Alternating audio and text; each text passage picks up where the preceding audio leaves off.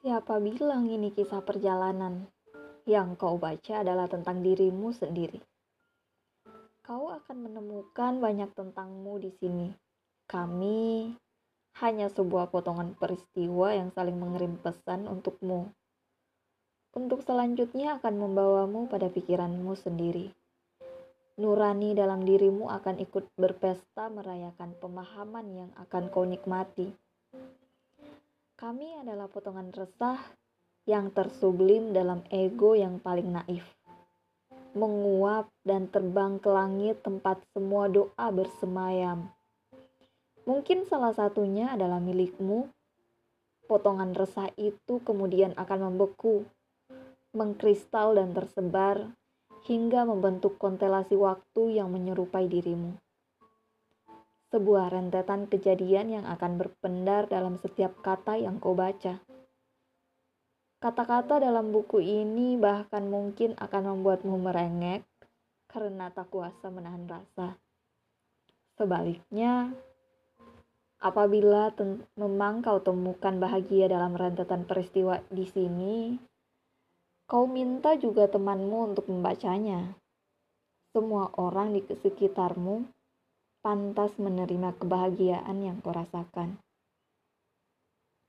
Sepertinya aku terlalu banyak bicara. Aku tak pandai berbahasa basi. Pesanku, biarkan nurani bekerja sebagaimana mestinya. Ikuti semua gelombang yang menyeretmu. Jika kau harus tersesat, tersesatlah. Kau memerlukannya untuk mencari jalan keluar hingga akhirnya dapat keluar dari pikiranmu sendiri, kau akan menemukan oase di tempat yang tak kau duga. Di salah satu rongga yang selama ini kau biarkan kosong dan berdebu. Salam syahdu, Saka. Rahasia Kepada Nurani, kau adalah sebenar-benarnya suci hidup sebagai entitas paling lembut, tetapi harus dikungkung oleh ego dan dikhianati oleh nafsu, oleh logika. Kau tak pernah kelelahan meski terseok dan tersingkirkan oleh pemahaman-pemahaman hasil perhitungan otak kiri. Suaramu sering kali terdengar sayup dan lirih, yang sering datang di sela-sela lara yang mulai hadir merangkak, dan berbisik lembut melalui setiap denyut dan aliran darah yang tersebar ke seluruh raga ini. Raga yang tak ingin menyerah, meski harus berhadapan dengan keganasan isi kepala yang selalu membuat tak terkendali. Kepada Nurani, sebelum mimpi menjadi pelarian paling rahasia bagi setiap jiwa yang kehilangan utaranya, Diam-diam bagian paling dalam dari nurani yang dicerat sunyi di sudut sepi ini merongrong, menjerit, memanggil jiwa yang mampu membebaskannya. Sebuah jeritan yang menyusup dalam setiap doa yang tak terucap, terbang dan melesat ke ujung langit. Tempat semua doa bersemayam dan berlalu lalang mencari doa-doa lain yang saling memanggil Sampai akhirnya semua semua doa sampai pada sang pemberi izin. Aku memeluk hujan dalam mimpiku, membiarkan diri ini dibasahi kasih. Hmm, setiap hari kakiku merelakan langkahnya dikuasai oleh nurani yang menjanjikan sebuah dermaga, sebuah tujuan dari setiap jiwa yang baru sampai dari kepergian sebuah ujung dari perjalanan yang berisi penantian dan perjuangan, atau bahkan dari pelarian. Sebuah pelipur dari sebuah lara. Senja menjadi waktu peristirahan terbaikku di tepi sore. Aku begitu terlarut di bawah temaram yang memulai genit. Semburat jingga yang menari syahdu di ujung barat itu menggodaku membacakan pandangan dan jiwa. Sungguh, waktu terbaik untuk mengistirahatkan kepalaku dari resah yang seharian berkejar-kejaran. Namun, laiknya rangkaian peristiwa, alih-alih menjadi sebuah pemberhentian, sebuah titik henti untuk perjuangan, ternyata tujuan sering kali hanya sebuah samaran akan persinggahan. Ada makna yang malu-malu ingin dipahami. Sebagaimana persinggahan dimaknai sebagai pemberhentian sementara, kepingan tujuan dari rangkaian tujuan yang lebih besar.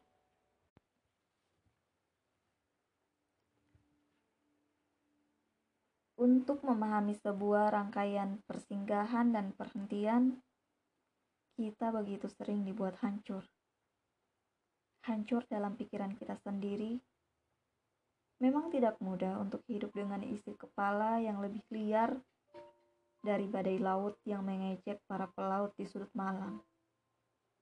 Semua pertanyaan berebut untuk diurai. Semua masa lalu berebut ingin diingat. Kekhawatiran selalu menghantui setiap detik yang berlarian saat malam. Saat semua pikiran sedang ramai-ramainya berkumpul dan membuat gaduh dalam riuhnya kepalaku. Semua kenangan berlarian di pelantaran langit. Semua luka dan duka merajai malam yang gelap. Namun, saat pagi berpendar, aku begitu hidup dan melupakan segala keresahan yang selalu mengganggu saat gelap. Setiap napas yang kuhirup begitu terasa segar dan penuh akan kesempatan. Semua menjadi kesempatan yang hadir itu selalu mengarahkan kita pada kemungkinan yang bercabang. Dalam menyikapinya, masing-masing kita pasti memiliki tonggak yang selalu kita pegang teguh sebagai prinsip.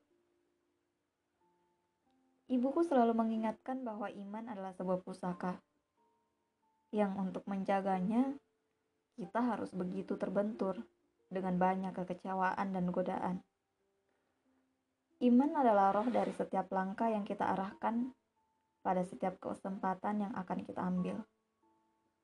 Dibutuhkan tonggak yang kuat dan menancap begitu dalam untuk menjaganya tetap tegak. Saka akhirnya lahir sebagai doa yang ditancapkan dalam diriku.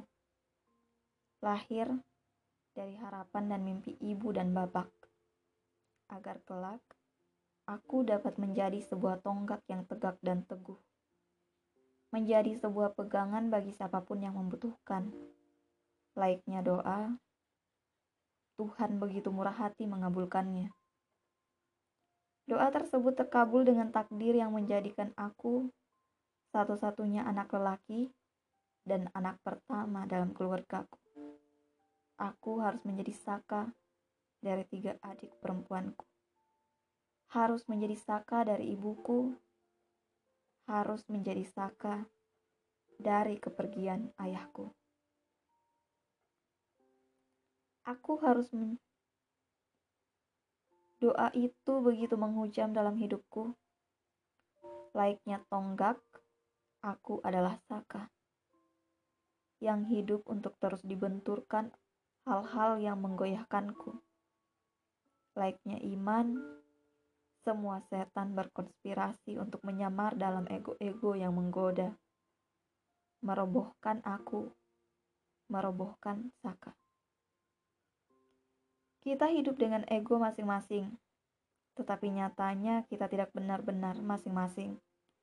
Kita begitu saling, saling hampir dalam segala hal, meski kadang tidak dalam satu waktu kita begitu saling memberi satu sama lain, saling membenci, saling mencinta, saling melupa, saling mempengaruhi, dan terpengaruhi. Seolah semua manusia semua terikat pada satu rantai yang saling menopang dan mendorong agar ritme dari kehidupan tetap terkendali. Seringkali jalan yang dilalui berbatu dan terjal. membuat ikatan masing-masing mata rantai saling melukai, hingga akhirnya rusak dan terlepas. Namun, demi hidup yang tak pernah ada pemberhentian, semua mata rantai yang rusak atau terputus harus selalu digantikan. Mereka yang terlepas dan tergantikan tidak akan hancur dan terlupakan. Mereka akan tetap melanjutkan fungsinya dalam peran yang berbeda. Ibuku adalah sekaligus seorang ayah sejak kepergian bapak. Aku tinggal dengan tiga adik perempuanku.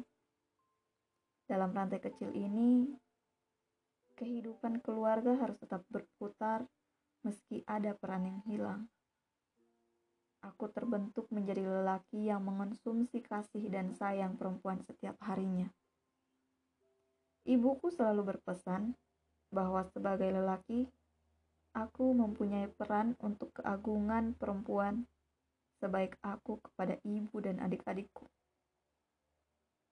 Merawat dan menghormati hati perempuan, layaknya permata suci nan rapuh yang melahirkan banyak keindahan. Namun, nyatanya aku malah menyakiti perempuan lagi dan lagi. Bagaimana bisa seorang lelaki yang tumbuh dalam pangkuan, belayan, dan pelukan para perempuan yang berhati selembut awan, yang ikhlas menjatuhkan diri ke tanah untuk menghidupkan banyak jiwa, mampu menyakiti perempuan lainnya?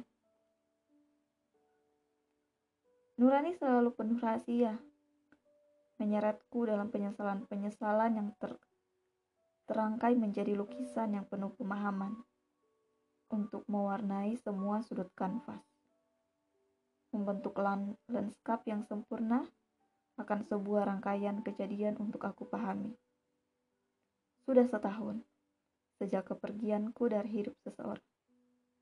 Kali kesekian, aku mengingkari peran yang seharusnya aku penuhi. Aku berhenti memberi kesempatan diriku untuk memaafkan. Memaafkan diriku yang masih saja membiarkan hal itu terjadi.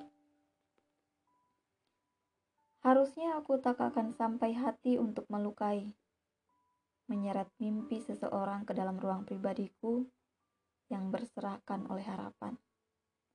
Kemudian aku malah pamit undur diri saat dirinya sedang terlelap nyaman. Saat ruang yang menyapanya setiap hari ketika dirinya kelelahan, tak lagi berpenghuni sebagaimana mestinya. Tak ada lagi aku. Aku yang mulainya menjadi tempat dirinya pulang, tempat yang aku janjikan akan selalu ada aku kini menjadi ruang asing untuknya. Melumat semua sejuk dan hangat yang pernah dirasakan. Terasing dalam tempatnya sendiri karena tanpa aku. Aku yang pernah bercerita tentang luka, malah memberinya luka yang sebenar-benarnya. Tak ayal dirinya dibuat berduka hingga murka. Semua sumpah serapa menjelma menjadi amarah yang menghujam diriku. Aku hanya mampu bersembunyi di balik maaf dan alasan yang jenaka. Begitu tidak bisa diterima. Aku ditikam oleh semua benci yang ditancapkan oleh mereka yang aku lukai. Diriku juga ikut mencekik jiwa dengan semua rasa bersalah. Aku harus hidup sekarat dengan semua perih yang tersembunyi. Tidak ada tempat yang pantas bagi pelaku sepertiku. Tidak akan ada telinga yang mau mendengar semua perih yang lebih terdengar seperti sangkalan agar mau dimaklumi.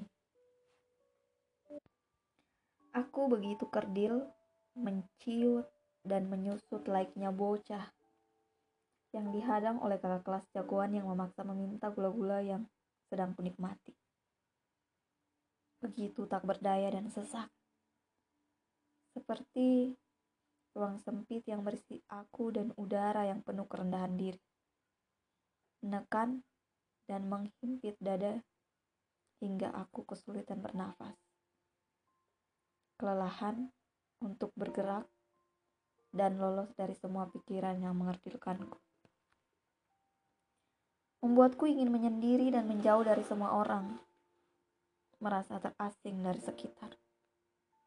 Aku begitu ingin mengelarikan diri dari pikiranku sendiri yang berkhianat dan bersekongkol dengan belunggu yang ingin mengikatku di bawah ketakutanku. Aku kelelahan untuk mencoba lagi, memberikan lagi diri ini kesempatan yang selalu punya potensi untuk tidak berhasil. Meski kesempatan terakhir yang diberikan Tuhan pun berhasil membawaku pada rasa bersalah yang semakin hari semakin menumpuk, menggumpal, dan mempersempit kepala dengan kebencian yang begitu menenggelamkan. Aku begitu terpenjara oleh semua rasa bersalahku. Sudah setahun, dan aku belum bisa begitu damai untuk sekadar memberi diri ini kesempatan bahkan untuk sekadar menghirup kerelaan. Kadang aku begitu membenci mereka yang membenciku. Mereka begitu punya alasan untuk mengutuk kepergianku. Begitu mempunyai tempat yang dapat diterima sebagai orang yang terluka. Sementara tempatku hanya penjara yang tersembunyi dalam palung rahasia dan bersanding dengan kehilangan-kehilangan yang tak mampu untuk tampak.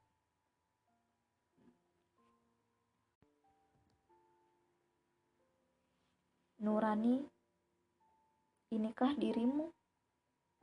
Apakah kau sebenarnya titisan neraka yang menjadikan raga ini sebagai budak untuk menyebarkan petaka? Menebar luka di setiap perempuan yang sedang berduka Padahal raga ini sepatutnya menjadi saka.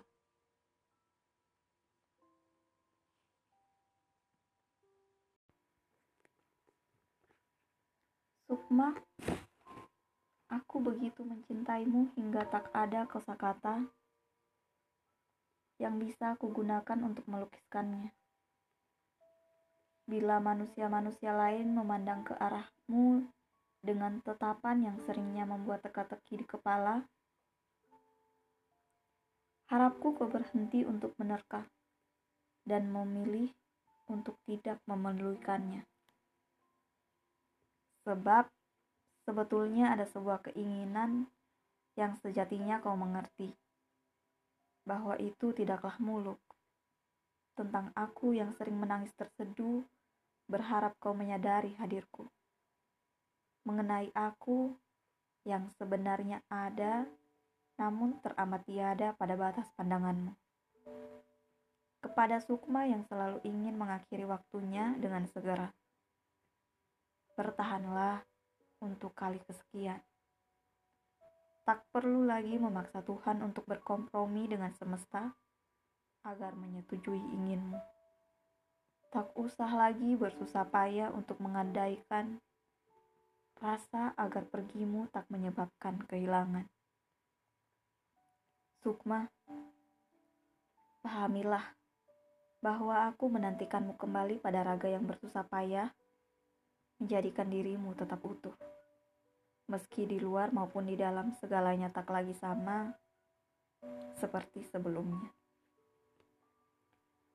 Serangkaian kisah yang pernah ku alami menjadi alasan kuat mengapa aku harus merekam segalanya menjadi deretan huruf yang kemudian menciptakan makna.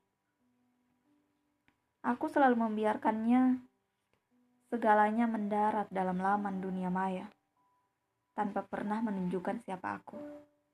Sebab hingga saat ini mendengar aku mampu tapi bersuara aku tidak bukan secara harfiah, akan tetapi lebih daripada itu. Dunia ini bergejolak, seluruh isinya memuntahkan cerita masing-masing, dan bisa memiliki seseorang yang bersedia mendengar dengan sepenuhnya adalah kemustahilan pada zaman seperti ini. Saat semua ego berperang untuk menunjukkan siapa yang lebih kuat. Mereka memanggilku Lara. Sejujurnya, aku benci dengan nama panggilan itu. Sebab tak serupa arti yang orang tuaku sematkan pada Lara Alana, pelindung serta pengambil keputusan yang pintar dan menyenangkan. Lara bagiku sama artinya dengan kesedihan. Aku diharapkan selalu dipenuhi oleh hal-hal menyenangkan, justru lekat dengan kesedihan yang menyebabkan luka. Bahkan kedekatanku dengan kehilangan tak lagi memiliki sekat. Aku mengerti bahwa hidup adalah tentang kehilangan-kehilangan yang tak akan pernah usai. Tapi, tetap saja, aku sama seperti manusia lain yang mengutuknya habis-habisan lengkap dengan segala sumpah serapah. Sekali waktu berteriak dalam pekatnya malam, mengapa bertemu jika harus berujung pisah? Mengapa menjadi dekat bila akhirnya tercipta jarak? Aku mengerti semua pertemuan yang tercipta sejatinya memang membawa masing-masing pesona untuk selangkah lebih, di, lebih dekat dengan semua perpisahan. Dalam alam bawah sadar, aku baru tinggalkan atau meninggalkan mutlak akan terjadi. Mungkin iya, aku bisa berkompromi dengan hal itu.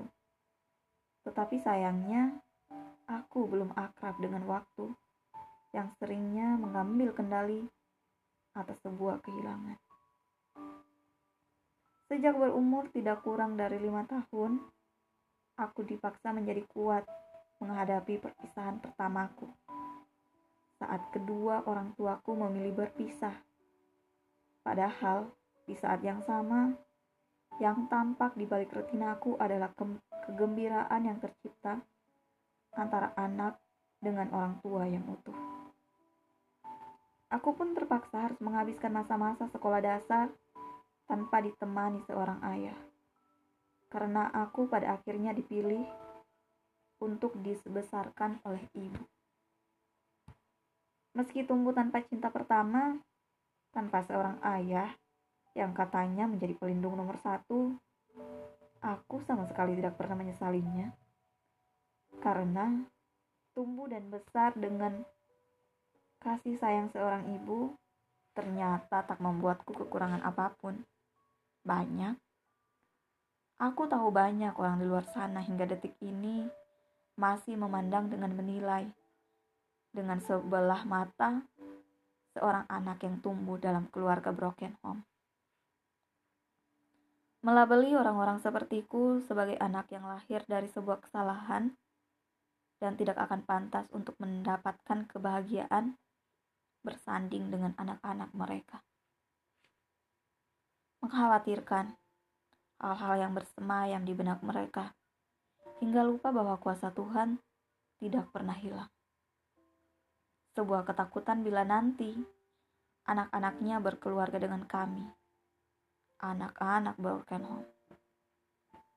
Maka anak dan kelak cucunya akan mengalami kegagalan yang serupa.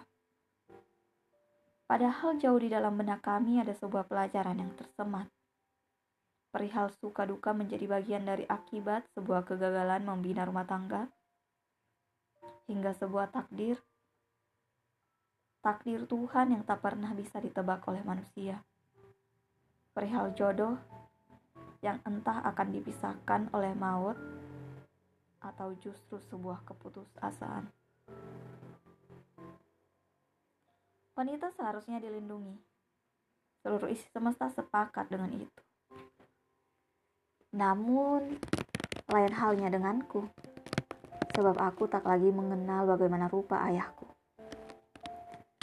Sejak saat itulah aku mengikrarkan diri untuk bisa menjaga ibuku dengan seluruh kesempatan yang Tuhan berikan. Mungkin di situlah doa dari namaku berguna.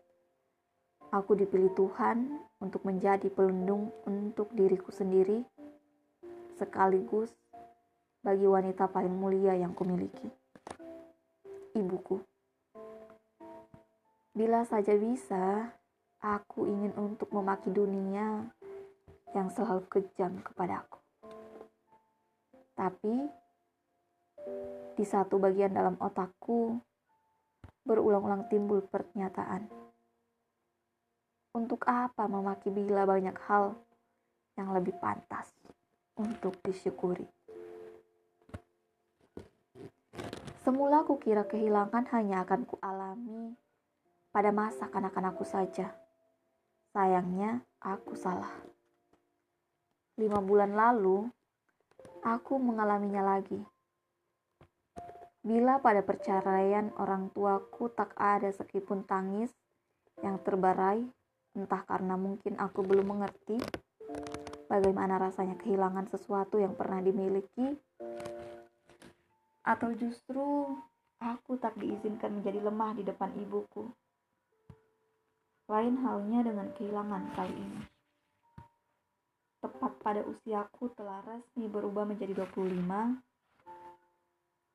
aku terbangun dengan mata sebesar bola pimpong sebagai akibat menangis semalam suntuk. Sebuah kisah klasik perihal ditinggalkan, meninggalkanlah penyebabnya. Ya, aku kembali ditinggalkan oleh seseorang yang berhasil membawa kabur rasa percayaku. Seseorang yang sejak satu tahun lalu berjanji untuk menemani hari-hariku sebagai seorang kekasih. Memilih meninggalkanku hanya karena seorang wanita yang jauh lebih lihai bersolek rupa dibanding aku. Dan yang menyes lebih menyesakannya lagi, wanita itu sejak tiga bulan terakhir terus berupaya menjadi seorang sahabat yang bisa aku percaya. Memang, aku seharusnya bisa menjadi sebenar-benarnya wanita, mengingat aku dibesarkan oleh seorang ibu. Aku seharusnya telah lihai memoleskan lipstik di bibir. Sudah pandai mengenakan sepatu berjinjit yang di mataku jauh lebih pantas untuk melempari lelaki pengobrol janji-janji manis. Seharusnya demikian. Tetapi nyatanya aku tidak. Memoleskan bedak di wajah saja aku sering kali risih. Aku lebih nyaman dengan sepatu kets butut yang sudah menemaniku sejak masa perkuliahan awal. Hebatnya, karena ketidakcakapanku menjadi sebenar-benarnya wanitalah, akhirnya aku ditinggalkan.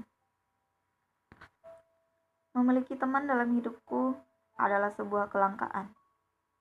Aku bisa ditemukan asyik bercakap dengan banyak orang, bergaul dengan siapa saja, tanpa pernah mempermasalahkan suku, agama, ras, strata sosial, atau gender seperti yang sering diributkan di negeri ini. Aku memiliki teman yang tak sedikit, tapi yang menjadi sebenar-benarnya teman mungkin hanya hitungan jari. Sudah aku bilang sejak awal, aku jarang sekali bersuara. Bahkan mungkin tak bisa. Tapi sekali aku membiarkan suaraku terdengar, segala kuasa atas diriku kuberikan dengan cuma-cuma. Menjadi tidaklah menyenangkan. Menjadi aku tidaklah menyenangkan yang di tiap sepertiga malam terakhir harus dibunuh oleh akal sehatnya sendiri. Yang di setiap tarikan napasnya harus mengalahkan rasa pesimis yang selalu mendominasi diri. Bagaimana aku mengubur beberapa impianku demi menyelamatkan perut yang butuh diisi oleh makanan? Bagaimana seorang aku rela meredam ego mati-matian hanya agar orang-orang yang kusayang tak mengalami kehilangan seperti yang kurasakan. Meski pada akhirnya kembali harus aku merelakan diriku dipeluk pilu karena kepergian. Pagi ini, hujan menggantikan air mataku yang sudah habis. Aku merenung di atas tempat tidur. Akalku terus bersawala dengan diriku sendiri. Kebaikan demi kebaikan terus aku berikan pada orang-orang di sekitar. Tapi, apa yang kemudian ku dapat? Tak lain dan tak bukan adalah pilu yang munculnya bertubi-tubi. Mungkin benar, kebaikan tak harusnya meminta timbal balik, tak semestinya diperhitungkan. Tapi sebagaimana jika segalanya sampai di ujung harapan? Bagaimana jika segala rasa habis ditelan luka-luka yang disematkan oleh mereka yang memilih pergi? Bagaimana dengan jiwa-jiwa yang ditinggalkan dengan beribu alasan yang cenderung penuh pembenaran? Aku kembali harus rela mengalami kehilangan lagi. Setelah sebuah kehilangan atas lelaki yang mengaku akan setia, yang belum juga usai membuatku, katakanlah, move on. Kini awan hitam kembali menghampiriku duka menyambangiku berhari-hari. Aku kehilangan seorang teman yang mungkin bisa disebut sebagai sahabat yang begitu kupercaya sedari usiaku masih 12. Seminggu lalu, ia meninggal dunia karena sebuah kecelakaan. Dan aku sampai pada klimaks pertanyaan yang mengikis kepercayaan. Benarkah bahwa orang-orang yang pergi dengan cepat adalah orang baik? Tapi, mengapa justru aku masih dibiarkan untuk hidup hingga detik ini? Sebegitu tak baiklah aku. Teruntuk raga yang kujatuhi beban atas semua akal dan nurani, masih sanggupkah kau ditinggalkan berkali-kali? Masih sediakah kau untuk habisi oleh sisa-sisa keyakinan yang kumiliki. Dan teruntuk Sukma yang tapaknya mulai terengah-engah, berhentilah berkelana seolah tak ada lagi tempat untukmu berpulang. Sebab beberapa luka tak mungkin tak bertemankan suka. Teriakan paling sunyi. Kepada nalar, katakan padaku kau tidak bersekongkol dengan intuisi. Sebab setelah semua yang kau perbuat, kau tidak begitu terasa seperti Nurani. Kau lebih akrab dengan ego yang menjanjikan semu. Kepada nalar, kau sering kali menghakimi, merasa paling adil. Padahal kau sedang ketakutan. Kau hanya tak kuasa akan kemungkinan-kemungkinan yang tak mampu kau perhitungkan. Sesaat setelah otak kiri mengkalkulasikan semua kemungkinan, dan yang kau dapati adalah sebuah kemungkinan yang tak terhingga. Kau hanya membuat dalih dan sangkalan atas jawaban yang tak mampu kau kuasai. Kepada nalar, berhentilah menjadi pengecut. Berhenti menjadikanku budak dari ketidakmampuan mengatasi ketakutan yang berasal dari masa lalu. Aku tahu kau peduli, namun jangan bertahan hingga membunuh. Aku tak pernah bisa menjadi diriku sendiri saat semua penolakan dalam diri ini terjadi.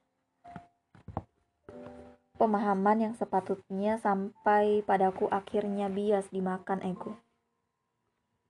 Kemudian hanya menikmati sisa-sisa sumpah dan serapah. Nurani semakin lemah, digusur oleh murka. Pada saat yang sama, saat semua lara menggumpal dalam tenggorokan, Napas yang seharusnya menghirup kenyataan dibuat terdesak oleh ingatan yang melumpuhkan. Aku dibuatnya mabuk. Ingatan ini ulah siapa? Nurani yang mencoba berbisik atau nalar yang nakal. Sambil terseok, aku menopang, menopang Saka. Aku tancapkan doa lebih dalam agar tegap aku bertahan. Dalam kepalaku darah-darah berceceran. Aku bertengkar hebat dengan diriku sendiri. Seringnya nalar menghabisi Nurani, dibuat babak belur. Bagaimana tidak, setan-setan ikut meroyoki Nurani. Melihat sang nalar yang begitu palsu, begitu pengecut bersembunyi di balik semua rasa bersalah. Begitu berdalih tidak lagi ingin menyakiti seseorang, nalar lebih memilih mati menyerah dan membunuh dirinya sendiri. Namun, di saat Nurani hancur lebur, Nalar tetap begitu berbelas kasih kepadanya. Jangan siksa dirimu dengan rasa bersalah. Maafkan dirimu. Kau begitu pantas untuk mencoba lagi dan lagi. Aku tahu kau akan dipenuhi luka, dihabisi oleh kekecewaan yang mungkin kau perbuat sendiri. Namun, di balik itu semua, kau bertambah bijak. Aku bertambah kuat. Kita sepatutnya menjadi sepasang saka yang saling menopang, bukan? Bisik sang Nurani dalam palung sukma yang paling rahasia. Mereka yang ditinggalkan begitu yakin, yang berteman dekat dengan kekecewaan, begitu menghakimi, bahkan benar cinta tidak akan meninggalkan. Jika nantinya akan pergi, mengapa menjanjikan tinggal? Tanya mereka yang merasa benar. Apa mereka yang menganggung-anggungkan janji akan tetap tinggal saat dirinya koyak dihabisi oleh kenyataan yang memaksa mereka untuk pergi? Atau mereka hanya akan memanipulasi kenyataan, memainkan peran yang jelicik, dan menyamar menjadi korban. Membuat dirinya seolah-olah terluka karena tidak berani mengambil keputusan yang tidak diinginkan. Karena menjadi orang yang memutuskan pergi seakan adalah peran yang begitu pengecut. Begitu egois karena tidak mampu menerima kenyataan yang pahit. Begitu egois, tidak mampu mencerna kekurangan.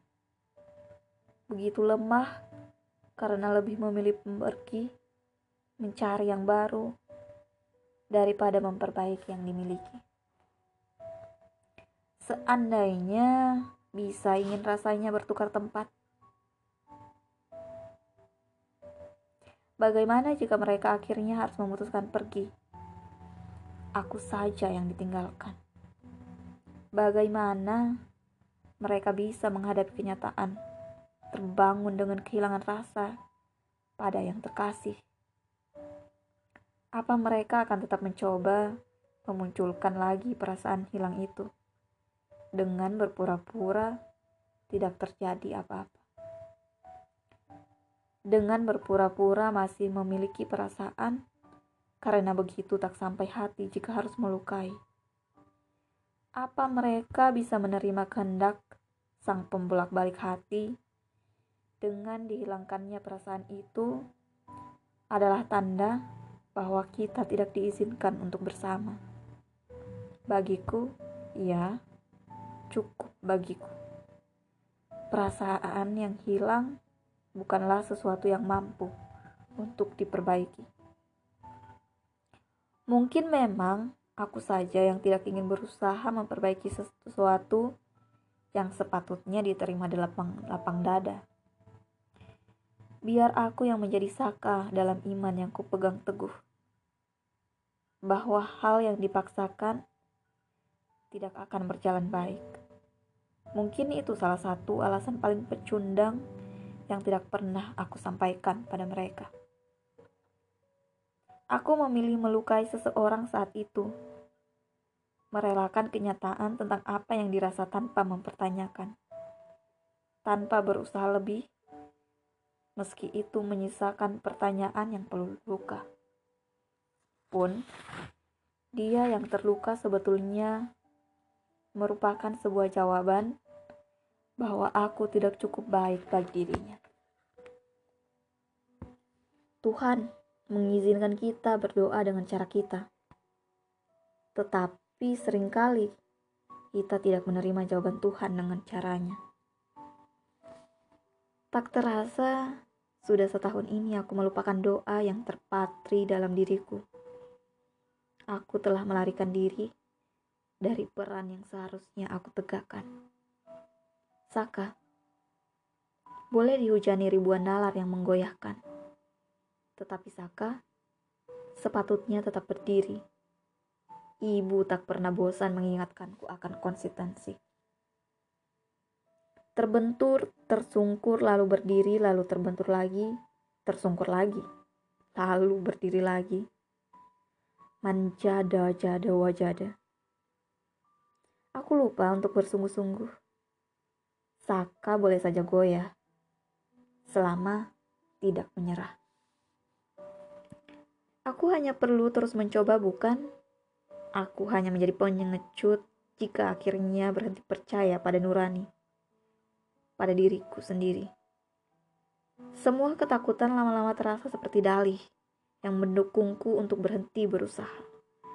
Karena sepatutnya sebuah kesalahan dapat membuatku lebih paham dan lebih berhati-hati dalam melangkah dapat melahirkan pemahaman yang lebih bijak. Maka dari itu, aku akan membiarkan diri ini membuka lagi kesempatan yang baru yang bisa saja membawaku pada kemungkinan yang sama. Harus memilih pergi. Namun, layaknya Saka, aku harus tetap tegak pada kenyataan-kenyataan yang menggoyahkan. Yang tak pernah tampak adalah keinginan untuk memaafkan diri sendiri. Tetapi, yang tampak ternyata hanya sebuah permainan percobaan. Bagi mereka yang telah terluka, bukankah mereka juga mencoba? Mencoba membuka hati. Kita sama-sama mencoba. Lalu, mengapa begitu mengutuk seseorang yang sedang mencoba? Teruntuk amigdala. Aku sering menyalahkanmu karena telah membajak segala reaksi yang kulontarkan atas sebuah aksi terhadapku. Aku sering menuntut pertanggungjawaban atas apa-apa yang kuanggap sebagai sinyal palsu darimu. Aku sering membencimu sebab kukira kamulah yang menjebakku dalam perasaan bersalah akan masa lalu bahkan ketakutan mengenai hari esok. Amigdala, mungkin tak seharusnya aku melakukan itu lagi. Tak sepantasnya aku terus-terusan menjadikan kambing hitam untuk semua permasalahanku. Bahkan, seharusnya aku mulai belajar untuk memahamimu. Belajar untuk menyikapi dengan lebih bijaksana seluruh sinyal-sinyalmu dan tidak perlu selalu dalam waktu yang teramat cepat untuk membalas suatu aksi. Amigdala, terima kasih. Sebab atas rasa ketakutan-ketakutan yang kumiliki ini masih melingkupi, aku tahu dirimu masih berfungsi sebagaimana mestinya. Dan tak sepatutnya aku menyalahkanmu atas apa-apa yang berkaitan dengan emosiku. Karena seluruh emosi ini semestinya beroda pada genggaman kendaliku. Hingga saat ini, hingga usiaku 25 tahun, hingga kehilangan yang bertubi-tubi ku alami, masih sering kali bertanya-tanya. Perlu berapa banyak lagi kesedihan yang harus kurasakan demi menebusnya dengan bahagia? Apa pada hakikatnya bahagia memang sesusah itu untuk dia biarkan berdampingan dengan manusia-manusia sepertiku yang imannya sering kali goyah bila dihantam kehilangan. Yang ibadahnya juga belum sepenuhnya sempurna. Sebagian besar rasa kehilanganku memang sebab ditinggalkan. Entah karena takdir kematian yang menjemput, entah karena perpisahan yang dipilih, atau mungkin juga karena yang pergi telah mendapat jawaban bahwa aku bukanlah yang terbaik untuk bisa dibersamai. Ya, mereka-mereka yang akhirnya pergi meninggalkan selalu saja bisa memberi alasan yang bagiku hanyalah sebuah pembenaran, bahkan pemakluman yang harus bisa aku sepakati. Sungguh, terkadang aku masih tak habis pikir, bagaimana rasanya melupakan segala kenangan begitu saja. Bagaimana rasanya beranjak pergi tanpa pernah menoleh lalu kembali mengukir kisah tanpa sedikit pun berkata maaf telah melukai. Bagaimana bisa seperti itu? Sedang untuk mengenyahkan yang rasanya butuh waktu yang sebentar. Kadang ingin sekali aku bertukar posisi dengan mereka-mereka yang memilih pergi meninggalkan.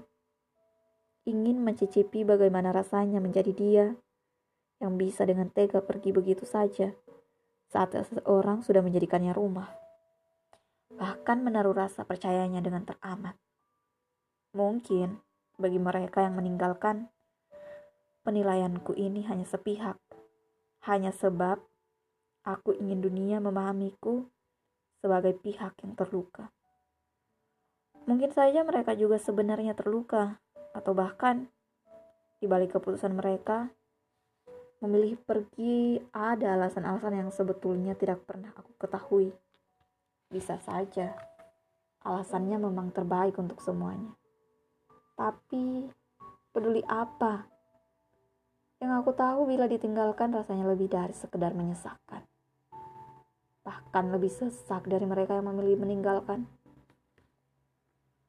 Aku paham bahwa di antara stimulus dan respon terdapat sebuah ruang untuk aku bebas menentukan semua sikap yang kuambil atas sebuah kejadian. Tapi sayang, pikiran irasionalku keraplah lebih berkuasa. Pada sepertiga malam yang tak pernah ramai, di tengah kekusukan dalam beribadah, aku sering kali dihabisi akal sehatku sendiri. Aku berulang kali berteriak. Aku benci menjadi aku di setiap lama napas. Aku benci bila selalu ditinggalkan. Aku benci dengan seluruh dunia yang tak pernah memberikan kesempatan untukku bahagia dalam jangka waktu yang lebih lama. Dalam sunyi yang mencekik, akhirnya aku harus mengaku kalah bila sudah demikian. Kemudian di hari esok, Aku pun terbangun dengan kondisi fisik yang tak lagi bisa dikatakan bugar. Seolah hidup tetapi tak memiliki jiwa, atau mungkin memiliki jiwa, tapi tak lagi ingin hidup. Aku selalu didominasi oleh rasa pesimis. Ketakutan yang sebetulnya tercipta oleh sebab banyak ekspektasi yang diam-diam tersembunyi Ketakutan yang semula sejak media sosial mulai menjadi konsumsi semua orang, termasuk aku. Benar ternyata, bila diri ini tak sanggup untuk ikhlas menerima segala ketetapan darinya, maka akan banyak sekali hal yang membuatku kemudian membanding-bandingkan kehidupan serta pencapaianku dengan orang lain. Semisal, aku yang kerap iri ketika beberapa kawan SMU sudah bisa melalang buana ke sana ke sini. Aku untuk keluar dari Jakarta saja masih sulit. Diizinkan jika tak ditemani ibuku. Banyak sekali keterbatasan yang akhirnya selalu membuat aku merasa tak cukup pantas untuk sekedar dilirik siapa pun. Menggantungkan cita-cita saja Aku sudah kepalang tak ingin, apalagi untuk sekadar berharap bisa menggapai beberapa mimpi. Aku, di atas semua ketakutan yang kumiliki untuk percaya kembali pada pertemuan, pada akhirnya memilih untuk membiarkan harapku tumbuh kembali.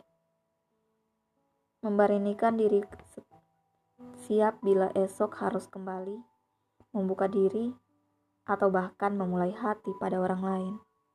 Sebab, bila aku terus mengurung diri bersama penyesalan, sudah barang tentu esok, lusa hingga hari-hari ke depan, tak akan ada lagi nikmat Tuhan yang bisa aku syukuri.